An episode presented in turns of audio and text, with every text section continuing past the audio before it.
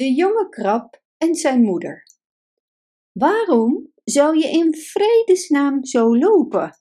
vroeg een moederkrab aan haar zoon. Je kunt beter recht vooruit lopen, met je tenen naar buiten toe gekruld.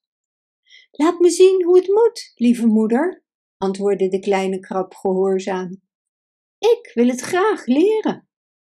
Maar hoezeer moeder krab het ook probeerde, het lukte haar niet om recht vooruit te lopen. Ze kon alleen zijwaarts lopen, net als haar zoon.